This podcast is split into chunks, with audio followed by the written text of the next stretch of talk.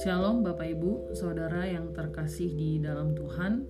Pada pagi hari ini kita akan mendengarkan renungan firman Tuhan yang terambil di dalam Mazmur pasal 70.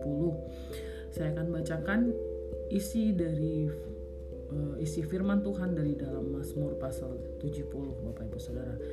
Dengan perikop doa minta pertolongan untuk pemimpin biduan dari Daud pada waktu mempersembahkan korban peringatan. Ya Allah, bersegeralah melepaskan aku, menolong aku ya Tuhan. Biarlah mendapat malu dan tersipu-sipu mereka yang ingin mencabut nyawaku. Biarlah mundur dan kena noda mereka yang mengingini kecelakaanku. Biarlah berbalik karena malu mereka yang mengatakan syukur-syukur Biarlah bergirang dan bersuka cita karena engkau, semua orang yang mencari engkau. Biarlah mereka yang mencintai keselamatan daripadamu selalu berkata, Allah itu besar. Tetapi aku ini sengsara dan miskin. Ya Allah, segeralah datang. Engkaulah yang menolong aku dan meluputkan aku. Ya Tuhan, janganlah lamban datang.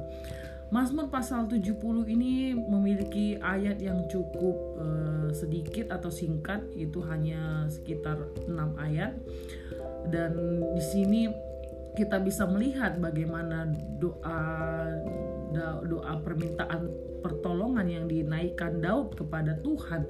Ini kalau kita membaca eh, Daud sedang dalam keadaan yang terdesak ada hal yang mendesak Daud yaitu musuh-musuhnya yang selalu mencari cara bagaimana supaya bisa membunuh Daud. Mencab bahkan di ayat 3 dikatakan mencabut nyawaku. Mereka ingin mencabut nyawaku mereka ingin kecelakaanku mencelakakanku. Jadi uh, doa ini adalah kita bisa melihat ada dalam situasi di mana Daud sedang terdesak meminta pertolongan kepada Tuhan supaya Tuhan menolong dia, meluputkan dia, melepaskan dia daripada musuh-musuhnya. Eh, Bapak Ibu Saudara kita bisa melihat bagaimana di sini Daud begitu menggantungkan dirinya, pengharapannya, hidupnya kepada Tuhan. Dalam keadaan mendesak yang diingat Daud hanyalah Tuhan. Seringkali Bapak Ibu Saudara, kita menghadapi situasi situasi yang mungkin sama seperti Daud, yaitu situasi yang seperti mendesak kita untuk mengambil keputusan, mendesak kita untuk memilih mana yang harus kita pilih atau keadaan-keadaan ter eh, keadaan-keadaan yang mendesak, membutuhkan jawaban, membutuhkan pertolongan. Seringkali kita mengalami situasi-situasi yang demikian.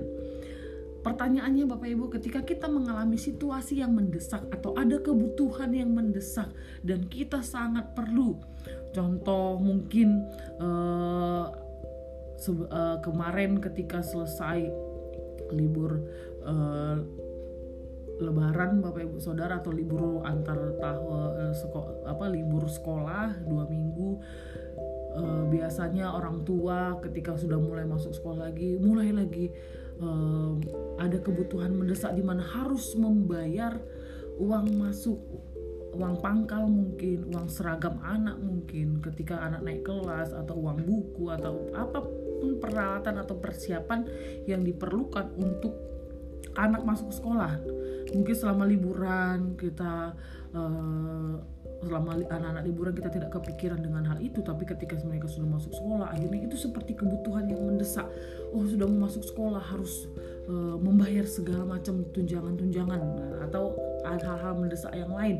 Contoh mungkin ada tiba bukan kita mendoakan contoh mungkin ada keluarga kita yang mengalami kecelakaan atau ada keluarga kita yang sedang sakit dan itu kebutuhan yang mendesak yang harus memerlukan uang contoh. Jadi ada kadang situasi-situasi yang mendesak seperti ini yang diperhadapkan kepada kita.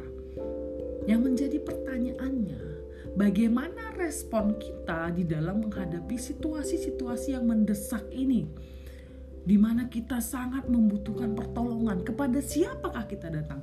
Nah sering kali bapak ibu di dalam situasi mendetak apa sorry di dalam situasi mendesak seperti ini kita bukan pertama-tama datang kepada Tuhan. Seringkali kita datang kepada orang-orang yang kemungkinan itu bisa menjadi jawaban bisa memenuhi apa yang menjadi kebutuhan kita yang mendesak tersebut. Contoh butuh uang mungkin ada keluarga yang sakit oh langsung kita cari di mana dapat pinjaman di mana bisa uh, meminta uang kepada siapa kita bisa meminta uang. Seringkali kita yang sering kali kita ketika hal-hal mendasar seperti itu memikirkan orang yang mampu. Siapa kira-kira yang mampu bisa menolong saya? Tetapi kita lebih fokus kepada manusia. Di sini kita belajar dari Daud di dalam kebutuhan dia mendesak kebutuhan yang mendesak di mana musuh-musuhnya ingin membunuh dia, ingin mencabut nyawanya, ingin mencelakakan dia.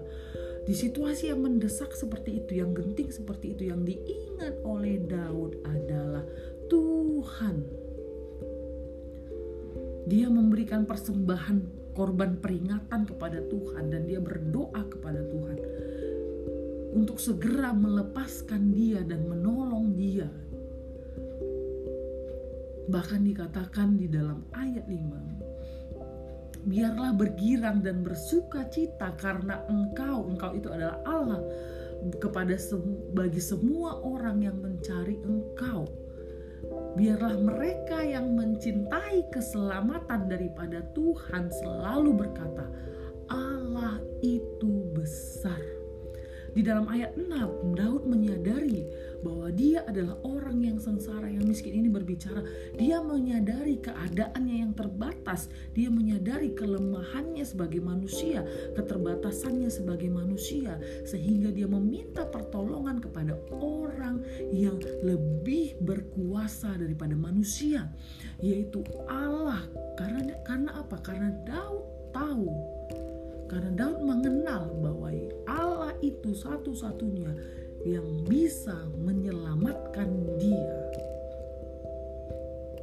Bapak Ibu, situasi mendesak apa pun yang sedang kita hadapi saat ini, mari pertama-tama kita datang kepada Tuhan, minta pertolongan kepada Allah yang besar, Allah yang berkuasa, Allah yang mempunyai segala apa pun yang ada di dunia ini dia satu-satunya Allah yang berkuasa dan dia Allah yang mengasihi kita umatnya. Umat yang dikasihinya. Jadi mari Bapak Ibu situasi apa pun itu pergumulan apa pun itu yang mendesak bagi kita saat ini Mari kita datang kepada Tuhan Mari kita minta pertolongan kepada Tuhan Amin Amin Bapak Ibu Saudara Firman Tuhan yang singkat ini kiranya mengingatkan kita kembali. Situasi apa pun yang kita hadapi, keterdesakan apa pun yang saat ini sedang kita hadapi, ada kebutuhan yang mendesak mungkin. Mari datang kepada Tuhan, minta kepada Tuhan karena Dia satu-satunya yang mampu menolong kita. Karena Dia satu-satunya pribadi yang mampu menyelamatkan dan menolong bahkan apa pun yang belum pernah terlintas di dalam pikiran kita Allah sediakan bagi kita Bapak Ibu Saudara. Jadi jangan pernah takut, jangan pernah khawatir, jangan pernah mengandalkan manusia, jangan pernah mengandalkan pemimpin atau siapa pun itu atau orang yang kita segani, orang kita hormati, jangan pernah mengandalkan mereka. Mari andalkan Tuhan, maka kita tidak akan pernah kecewa kepada Dia, pribadi yang besar dan berkuasa atas hidup kita. Amin, Bapak Ibu Saudara. Demikianlah firman Tuhan renungan pada pagi hari ini kiranya ini menguatkan kita sepanjang hari untuk menjalani hari hari kita sepanjang hari ini.